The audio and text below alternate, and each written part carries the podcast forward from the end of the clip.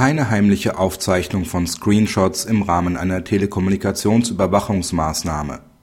Das Landgericht Landshut hat entschieden, dass die heimliche Aufzeichnung von Bildschirminhalten, sogenannte Screenshots, im Rahmen einer Telekommunikationsüberwachungsmaßnahme unzulässig ist. Gegen den Beschuldigten war eine Telekommunikationsüberwachung nach § 100a StPO angeordnet worden.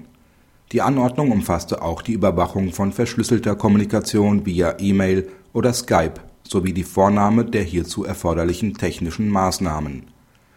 Bei der Ausführung der Anordnung wurde vom LKA eine Software auf dem Computer des Beschuldigten aufgespielt die ein heimliches Abfangen der Voice-over-IP-Kommunikation vor der Ver bzw. nach der Entschlüsselung ermöglichte.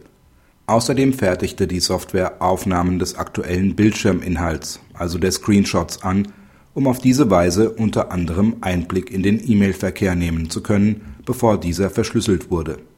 Die Beschwerde des Beschuldigten nach § 101 Absatz 7 Satz 3 StPO hatte teilweise Erfolg das Landgericht Landshut erachtete zwar die sogenannte Quellen-TKÜ für zulässig, also die Überwachung auch der verschlüsselten Telekommunikation, denn § 100a StPO gewährt eine Annexkompetenz zur Durchführung der technischen Maßnahmen, um eine Verschlüsselung durch den Betroffenen zu umgehen.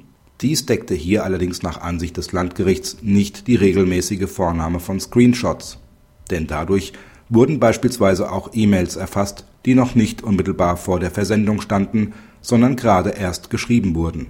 Beim bloßen Schreiben einer E-Mail kann aber noch nicht von einem Telekommunikationsvorgang gesprochen werden. Für die Erfassung dieser Vorgänge mittels Screenshots fehlte es daher nach Ansicht des Landgerichts an einer Rechtsgrundlage. Kritik Die Überwachung verschlüsselter Telekommunikation erfordert häufig Eingriffe in die Computersysteme des Betroffenen für solche Maßnahmen stets eine Annexkompetenz aus § 100a StPO anzunehmen, ist problematisch. Es ist daher zu begrüßen, dass dieser Ermächtigung gewisse Grenzen gesetzt werden. Wünschenswert wäre aber eine klare Regelung der zulässigen Maßnahmen durch den Gesetzgeber